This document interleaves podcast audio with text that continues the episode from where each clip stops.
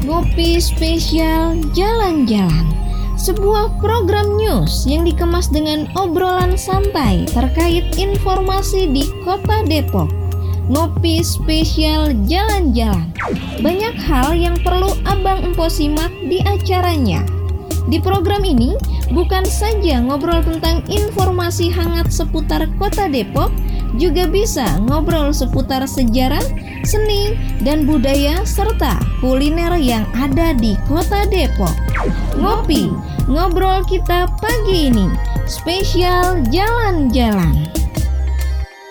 Assalamualaikum warahmatullahi wabarakatuh Selamat pagi pendengar Dapur Remaja Radio Abang dan Empok Depok 107,8 FM Pagi ini saya bersama Bapak Marbudianto Kepala Bidang Angkutan Dinas Perhubungan Kota Depok uh, Dalam obrolan santai pagi ini saya ingin berbincang-bincang dengan Bapak Marbudianto. Marbu nanti nama jelasnya ya biar Pak Marbu sendiri yang memperkenalkan. Jadi, obrolan santai berkaitan dengan uh, pemberian penghargaan dari BPTJ mengenai jalur hijau. Ya. Nah, jalan jalur hijau. Jadi nanti dijelaskan bagaimana mekanismenya, kemudian uh, cara penilaiannya dan kebetulan alhamdulillah di kota Depok ini uh, sepeda bisa diangkut bus bagi para pekerja, pegawai negeri atau pegawai swasta yang ingin naik sepeda, ingin ke Jakarta sudah disediakan busnya. Inilah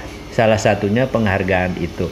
Baik, uh, Pak Marbun, selamat pagi. Selamat pagi, Bang Adi. Nah, Alhamdulillah sudah saya bisa menyapa beliau ini. Saya di ruangannya yang sejuk dan ini.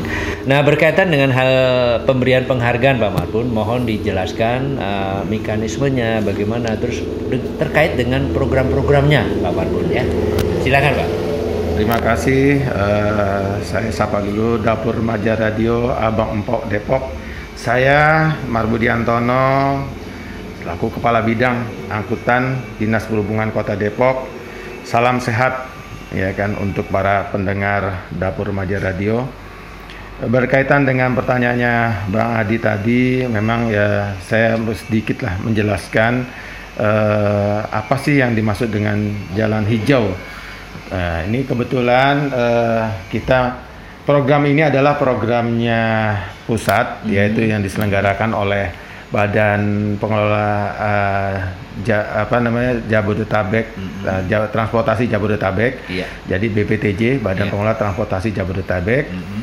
Yang uh, ini sebetulnya program sudah diluncurkan sejak tahun 2019 oh, ya kan. 2019. Nah, itu adalah uh, merupakan program uh, di mana bisa mengurangi beban jalan hmm. ya kan terhadap uh, uh, kepadatan lalu lintas, lalu lintas ya, ya kan lalu lintas di mana salah satunya adalah untuk mengurangi beban jalan hmm. juga mengurangi tingkat polusi kendaraan hmm. apa kan yang dikeluarkan oleh kendaraan bermotor. Hmm upaya-upayanya yaitu dengan bagaimana orang menggalakkan lagi pejalan kaki. Oh, ya digalakkan ya, lagi ya. Pejalan, pejalan kaki, kaki, kemudian yang sekarang lagi booming juga pada sejak pandemi tahun 2020 kemarin yaitu uh, adanya para pesepeda, pesepeda, pesepeda ya, pesepeda, pesepeda ya kan.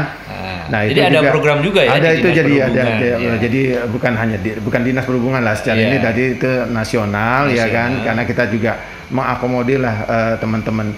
Nah memang uh, kita untuk kota Depok kita bertahap lah pelan-pelan kita yeah. mencoba menginventarisir hmm. ya kan mungkin jalur-jalur mana sih yang untuk kita bisa buat untuk jalur sepeda. Hmm. Memang kita kalau tahu sendiri kondisi memang saat ini kita belum bisa berbuat banyak tetapi kita mencoba ya kan salah satunya ya kan bagi para pengguna sepeda mm-hmm. ya para pengguna sepeda yang ingin berangkat ke tempat kerja atau ke tempat aktivitas kegiatan uh, yang akan dituju mm-hmm. ya kan kebetulan salah satunya kita itu ada nah kebetulan kita min, uh, minta kepada operator uh, salah satu operator Jabodetabek Resident mm -hmm. Connection mm -hmm. atau yang disingkat dengan GRC mm -hmm. yaitu uh, ini salah satunya adalah rekan kita yaitu mm -hmm. perusahaan BUMN mm -hmm. PPD yeah. yang kebetulan uh, program GRC ini adalah program di mana pengangkutan orang melal- eh, dari dari Depok menuju Jakarta, ya kan, eh, dengan menggunakan eh, bus, ya kan, Bus, bus. ya. Nah, alhamdulillah eh, rekan kita PPD ini di JRC ini sudah menyediakan ya kan bagi baik itu pejalan kaki maupun eh, pengguna sepeda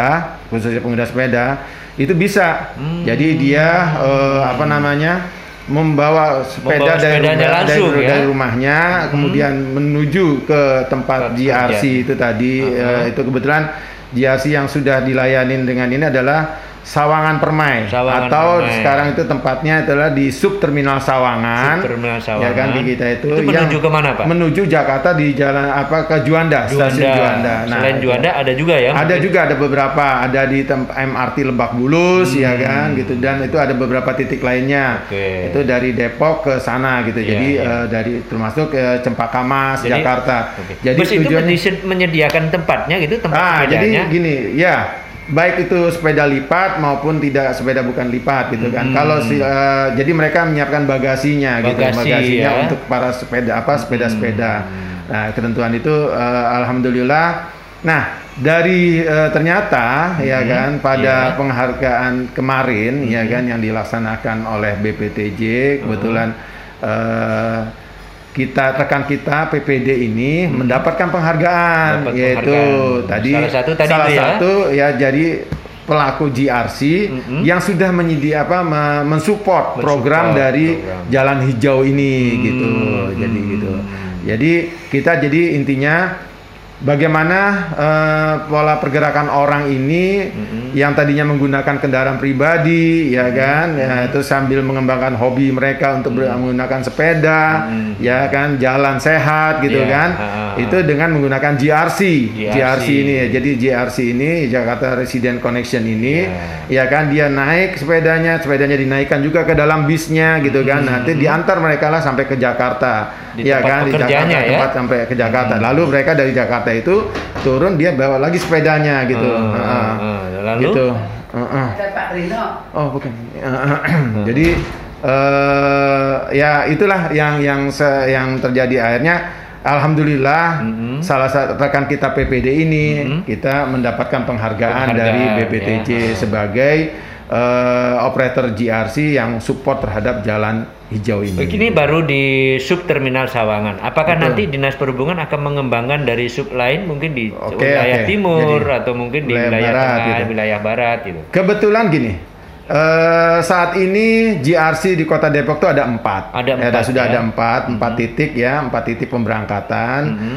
Yang pertama itu adalah di daerah Tapos, Tapos. ya kan? Tapos itu di eh, TOD Gunung Putri namanya Iya. itu kan Uh-huh. itu di dekat dengan apa namanya eh, apa Emeralda itu Uh-huh, yang uh-huh. apa eh, eh, golf itu yang itu sama eh, apa Podomoro PGV ya Oh, Podomoro di Golf situ ya, di situ. tempat Jadi makalnya. tempat titiknya di situ. Ah. Karena memang residen jadi artinya di jadi eh, harapannya adalah bagi para pengguna apa namanya yang yang akan bekerja ke Jakarta yang rumah-rumahnya ada di sekitaran PGV dan apa Oh. Podo dan Emeralda itu mereka bisa menggunakan GRC yang GRC yang itu. Nah, yang itu sudah disiapkan, sudah ya. disiapkan oleh teman kita PPD. Oke. Kemudian yang titik kedua Heeh. ini yang di wilayah timur ya. Titik Ya. kedua adalah yang di sini di mana di GDC. Oh di GDC. Di GDC di sektor Melati. Iya. Di sektor Melati. Itu sudah juga sudah beroperasi gitu kan.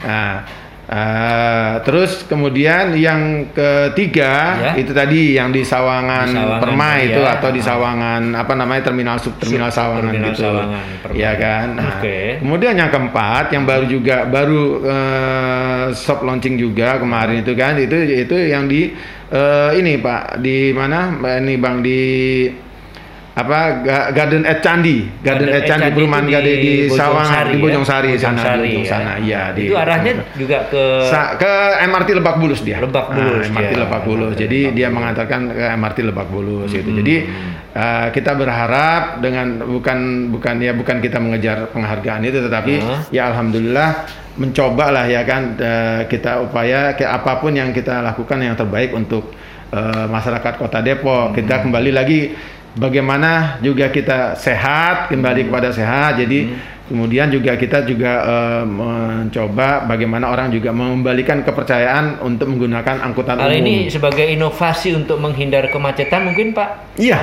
salah satunya itu. Hmm. Ya kan tadi yang sudah kita sampaikan, kita tahu bahasanya presentasi penggunaan kendaraan pribadi jauh lebih besar daripada penggunaan angkutan umum Betul, memang betul, ya kan. betul, betul. Kebetulan kita ini sebetulnya ada beberapa yang sudah sudah aktif angkutan umum bisa ada yang naik KRL gitu kan. Baik. Kemudian eh, LRT memang belum beroperasi ya. Kita baik. ada di Cibubur itu saat ini tetapi ternyata hanya hanya dari dari itu hanya 24 persen yang ada yang orang yang menggunakan kendaraan Oh, angkutan umum ya itu oke. tadi yang saya bilang baik itu Transjakarta Hmm. baik itu juga menggunakan tadi ini apa namanya GRC, GRC, maupun ya. dengan menggunakan KRL tadi Oke. kita kita jadi kebetulan baru ada tiga yang di di, di kota Depok ini kalau yang kita eh, perjalanannya ke mana? Ke luar ke Jakarta gitu. Oh. jadi pergerakan perjalanan ke Jakarta ini eh, pagi hari ini memang cukup tinggi Cukup sekali tinggi gitu. sekali. Ya betul. Baik pemirsa, eh, bahwa dikatakan oleh Pak Marbun di Kota untuk meng,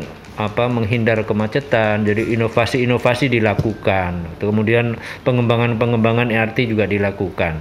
Nah, dengan adanya demikian, eh, menurut Pak Marbun, saran apa kepada masyarakat supaya masyarakat juga memahami tidak lagi memakai kendaraan pribadi karena saking menumpuknya terjadi kemacetan. Nah, langkah apa yang akan dilakukan oleh Pak Marbun di Kota Depok ini? Ya sebenarnya gini, ini eh, bukan kita ini langkah kita bersama ya Iya. kan artinya tidak saja hanya eh, peran hanya pemerintah, tetapi kita juga sama-sama eh, mencoba baik itu operator angkutan umumnya, juga kitanya juga sebagai regulator dinas perhubungan ya kan juga bersama-sama dengan pihak Kementerian Perhubungan dalam hal ini BBTJ, juga terkait dengan teman-teman kita di dinas-dinas perhubungan yang berikutnya. Dan ini juga salah satunya juga kita eh, eh, harus juga kita dengan eh, stakeholder yang lain ya kan. Iya. stakeholder yang lain itu ketika karena ada infrastruktur ya kan juga harus diperbenahi gitu. Kita harus sadar sendiri lah bahwasanya bagaimana fasilitas pejalan kaki itu juga menjadi prioritas ya kan untuk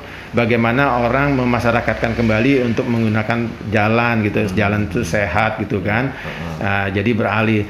Mungkin kita coba nanti eh, mungkin dalam waktu dekat eh, Pak Wali Kota mungkin akan coba apa mungkin akan mengeluarkan apa namanya Kebijakan semacam khusus ya itu? semacam ada kebijakan atau surat edaran lah mengajak ya kan masyarakatnya baik itu ASN non ASN siapa pun yaitu masyarakatnya semuanya marilah kita sama-sama untuk hidup sehat yaitu eh, berjalan kaki ya kan terus eh, apa bersepeda, Bersepeda, ya kan kalau ya. misalnya jaraknya dekat kita ke kantor nih ya Ah, ah. Lebih baik misalnya cuma hanya 500 kilo, 1 kilo atau bahkan sampai 2 kilo pun kita coba jalan kaki lah gitu Ah, kan gitu. betul, betul. Tetapi bersepeda juga mungkin kan misalnya 5 kilo, 6 kilo, 10 kilo pun kita Hmm. coba naik sepeda gitu kan. Kembali kita coba itu. Nah, kalau sudah banyak yang orang mencoba dengan menggunakan itu tadi dan yang lebih ini kita mau juga mengembangkan kepada angkutan umum. Angkutan nah, umum baik juga dengan ya. angkutan kota. Hmm. Kita juga berharap kepada teman-teman operator angkutan umum yang lain yaitu angkot ya kan, baik Hmm. mau angkot dan yang lainnya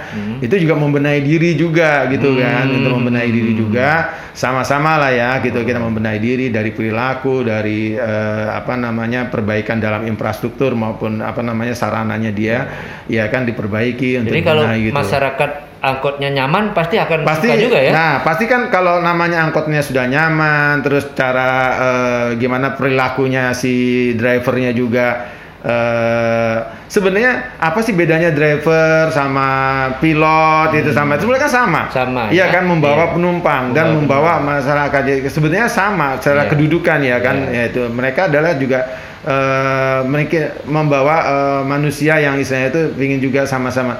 Nah kalau sudah perilaku baik itu drivernya maupun yang kita para pengusahanya juga gitu kan kitanya juga. Nah alhamdulillah ini salah satu program dari kita juga untuk meningkatkan ke Pelayanan. pe- pelayanan kepada angkutan kota kita tuh sebetulnya sejak tahun 2020 kemarin Mm-mm. iya kan pemerintah kota Depok itu sudah memberikan free terhadap atau retribusi Mm-mm. izin trayek Mm-mm. jadi sudah dinolkan gitu Dinolkan, retribusi ya. jadi mereka mencoba kita itu salah satu insentif lah Ya. dari pemerintah kota Ya. Depok Uh-huh. ya kan untuk bagaimana eh, supaya angkot juga bertumbuh dengan baik ya kan Hmm. salah satunya ya itu tadi supaya juga dia meningkatkan pelayanan, gitu kan Pelayanan. dan dia bisa ngurus izinnya ke Iya. kita gitu kan ngurus izinnya ke pemerintah nih Hmm. eh, eh, dengan istilahnya itu memang sudah karena memang sudah retribusinya sudah dinolkan. Dinolkan. Iya, Jadi dinol kesempatan rupiah. bagi pengusaha pengusaha, angkot ya. ya sudahlah itu Ayo. langsung ayo kita berbenah diri ya sama-sama berbenah diri kita mencoba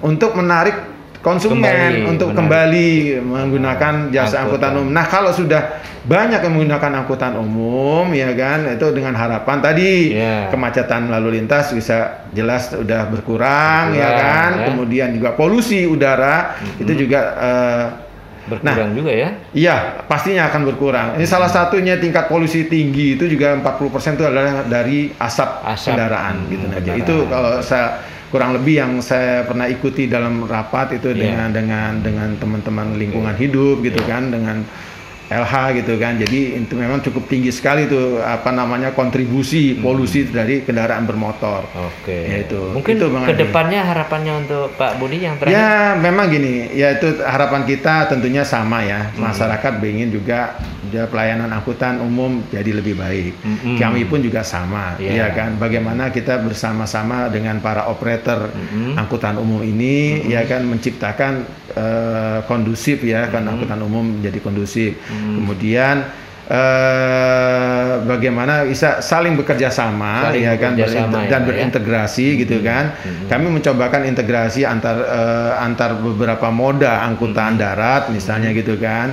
Yang saat ini mungkin sudah berkembang, yang saat ini sudah berkembang ya kan. Kita tidak bisa menafikan bahwasanya seperti angkutan jasa online itu kan pilihan masyarakat yang sekarang eh, dan nah bagaimana mereka juga bisa nantinya ke depan itu bisa-bisa eh, apa namanya dengan angkutan kota yang sudah ada existing gitu kan. Oke. Tinggal kita pola yang kita Iya. kita cari pola yang bagaimana uh, win-win solution atau simbiosis mutualisme yang yang Iya, terjadi gitu. betul. Itu, itu. Intinya masyarakat nyaman, Nah, masyarakat akan nyaman, juga masalah terus pengusaha angkutan juga nyaman gitu Iya. kan. Ya yang jelas terus eh, lalu lintas teratur kan gitu kan. Ah, terus polusi juga berkurang gitu kan. Jadi dan masyarakat kita sehat gitu. Jadi Oke. jadi apalagi eh, fasilitas pejalan kakinya juga kita sudah sama-sama benahi gitu kan. Kemudian kita juga sama-sama menggerakkan diri kita untuk bisa siap berjalan kaki ya kan dengan terus kita siap untuk pola hidup sehat gitu. Oke. Ya kebetulan di masa pandemi seperti ini ya eh, kita berharap ya apa siapa lagi kalau bukan kita sendiri yang harus kita menjaga proteksi diri kita. Kita yang tahu tentang itu bagaimana kita harus bisa berpola hidup sehat gitu kan Oke. gitu. Salah satunya itu. Oke. Gitu Bang Adi. Terima Ya ini adalah sedikit ini aja yang yang bisa saya sampaikan. Mudah-mudahan ya saya sekali lagi kepada eh, para Pendengar.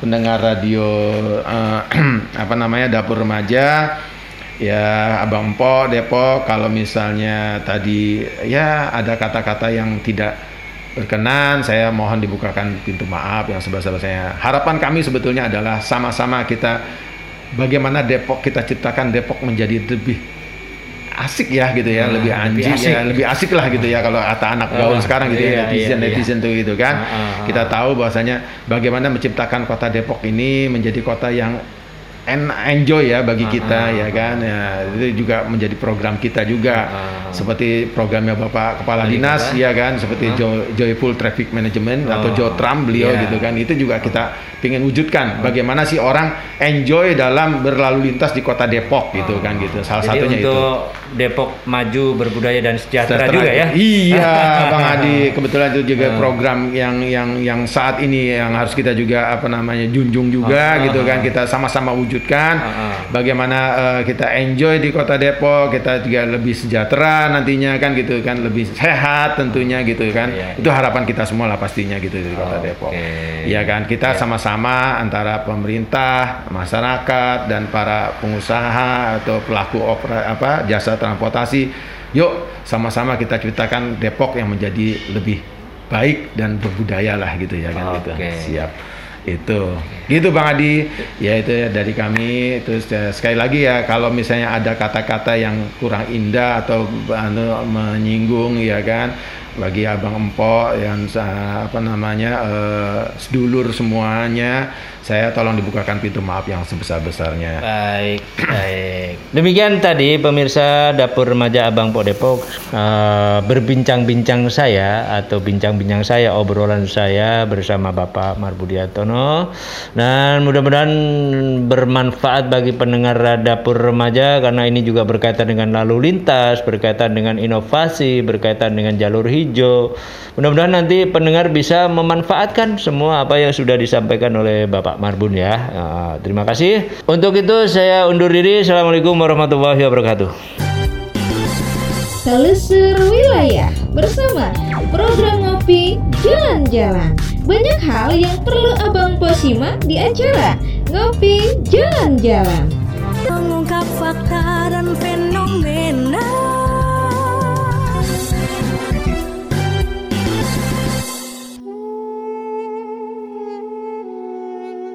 Sahabat, pernahkah Anda mendengar nama Wright bersaudara? Sebagian dari kita mungkin pernah mendengar nama itu, ya, Orville dan Wilbur. Suatu ketika, mereka ingin membuat sepeda terbang pada tahun 1895. Entah dari mana ide itu muncul. Lord Kelvin menyindir mereka dengan kata-katanya, mana ada mesin yang dapat terbang karena mereka lebih berat dari udara.